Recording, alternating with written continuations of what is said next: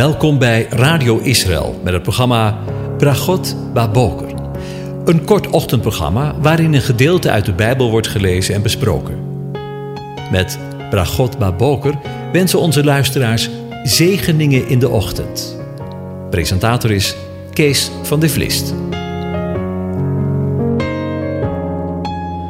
Goedemorgen, Bokatov, beste luisteraars. Ook vanmorgen denk je weer verder na over Psalm 133. En ik lees de hele psalm aan je voor. Een pelgrimslied van David. Zie hoe goed en hoe lieflijk is het dat broeders ook eensgezind samenwonen. Het is als de kostelijke olie op het hoofd, die neerdaalt op de baard, de baard van Aaron, die neerdaalt op de zoom van zijn priesterkleed. Het is als de touw van de Hermon, die neerdaalt op de bergen van Sion. Want daar gebiedt de aanwezige de zegen en het leven tot in eeuwigheid. Tot zover. Over olie als beeld van de Heilige Geest gesproken. Vandaag maken we een stapje in de psalm naar het tweede vers, waarin de eensgezindheid van de broeders wordt vergeleken met de kostelijke olie op het hoofd, die neerdaalt op de baard, de baard van de Aaron, die neerdaalt op de zoom van zijn priesterkleed. In het Hebreeuws zijn er redenen om de tekst iets anders te lezen, vinden de Joodse uitleggers namelijk zo. Zie hoe goed en hoe lieflijk is het dat broeders ook eensgezind samenwonen, omdat de kostbare olie op het hoofd van de Aaron langs de baard loopt, de baard van de Aaron. Weet u, het Hebreeuws, maar eveneens het oostelijke taalgebruik, was niet alleen in de tijd van de Bijbel geschreven werd, maar eveneens in de tijd waarin wij leven, veel meer dan ons Nederlands een beeldende taal. Want wat moeten we aan, of wat wordt er eigenlijk bedoeld met de beelden die David beschrijft? In welke zin is de eenheid van de broeders die in eensgezindheid samenwonen te vergelijken met de beelden van olie op Aarons baard en de dauw op de bergen van Hermon? Of zijn het meer dan vergelijkingen? Zijn de beelden de uitwerking van de zegen, die eenheid tot stand brengt, die door David in het eerste vers van deze psalm wordt gezien? De poëtische taal, het beeldende beeldtaal, die hier gebruikt wordt, is volgens de Joodse geleerden van groot belang. De olie is niet zomaar olie, maar de goede, de toffe olie, of de kostbare olie en verwijst specifiek naar het mengsel van olie dat door God is aangewezen voor gebruik bij het zalven van de Kohen Ha-Gadol, de hoge priester, en sprenkeling op de priesters. Het mocht niet worden gebruikt voor een gemeenschappelijk doel of door een gewone Israëliet. We lezen van deze gebeurtenis in Exodus 30, vers 23 tot 33 vanuit de Hebreeuwse vertaling. Neem de specerijen. Van vloeibare mirre 500 sikkels en van zoet geurende kaneel de helft, dat wil zeggen 250, en van 250 van aromatisch riet. En 500 sikkels van cassia, volgens de sikkel van het heiligdom, en een scheutje olijfolie. En u zult hiervan een heilige zalfolie maken, vermengd door de parfumeur. Het zal een heilige zalfolie zijn, een apart gezette zalfolie zijn. Daarmee zult gij de tent van de samenkomst en de ark der getuigenis salven, en de tafel, en al het gerei, en de kandelaar en het zijn gerei, en het reukoffer en het brandoffer met al zijn keukengerei, en het bekken en zijn standaard. U zult ze heiligen, u zult ze apart zetten, opdat ze allerheiligst zullen zijn. Alles wat hen aanraakt, wordt heilig. U zult Aaron en zijn zonen zalven en hen heiligen, zodat zij mij als priesters kunnen dienen. En u zult tegen het volk van Israël zeggen: Dit zal mijn heilige zalfolie zijn, voor al uw generaties. Het zal niet worden uitgegoten op het lichaam van een gewoon persoon, en u zult geen ander vergelijkbaar maken in samenstelling. Het is heilig, het is apart gezet en het zal heilig apart gezet voor u zijn. Wie iets dergelijks samenstelt of wie iets van op een ander buitenstaander legt, zal van zijn volk worden afgesneden. De olie moest dus op het hoofd van de Aaron worden uitgegoten, na het aantrekken van de priesterlijke kleding, inclusief de hoofdbedekking, en moest overlopen tot aan de uiteinden van de kleding. Het is interessant om op te merken dat de Aaron nooit zijn hoofd mocht ontbloten of zijn kleren zou scheuren, lezen we in Leviticus 21, vers 10. De hier beschreven gebeurtenis kwam maar één keer voor.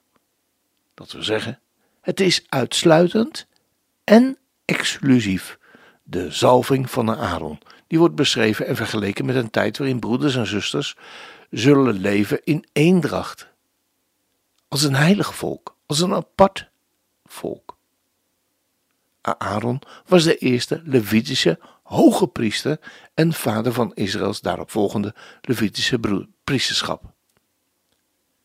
Daarom is dit beeld van Aaron niet bedoeld als een algemeen beeld dat vergeleken kan worden met elke daad van zalving die ooit is uitgevoerd, maar verwijst het uitsluitend en alleen naar de zalving van Israëls eerste Levitische hoge priester Aaron en naar het mengsel van olie dat werd gebruikt om hem te zalven.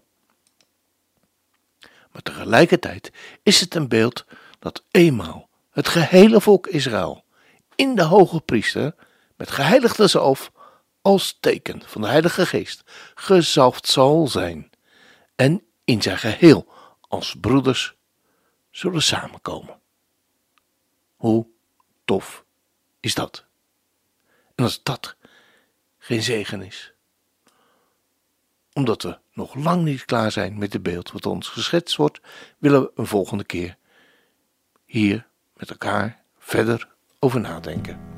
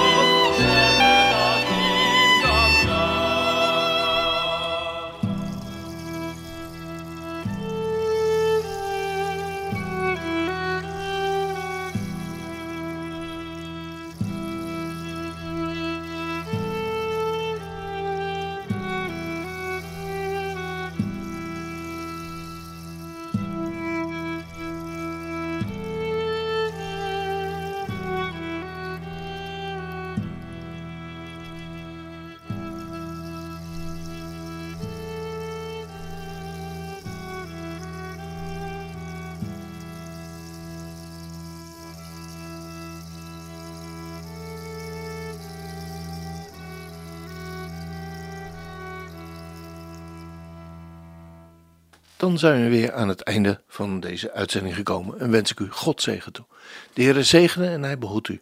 De Heere doet zijn aangezicht over u lichten en zij u genadig. De Heere verheft zijn aangezicht over je en geeft je zijn vrede, zijn shalom. Amen.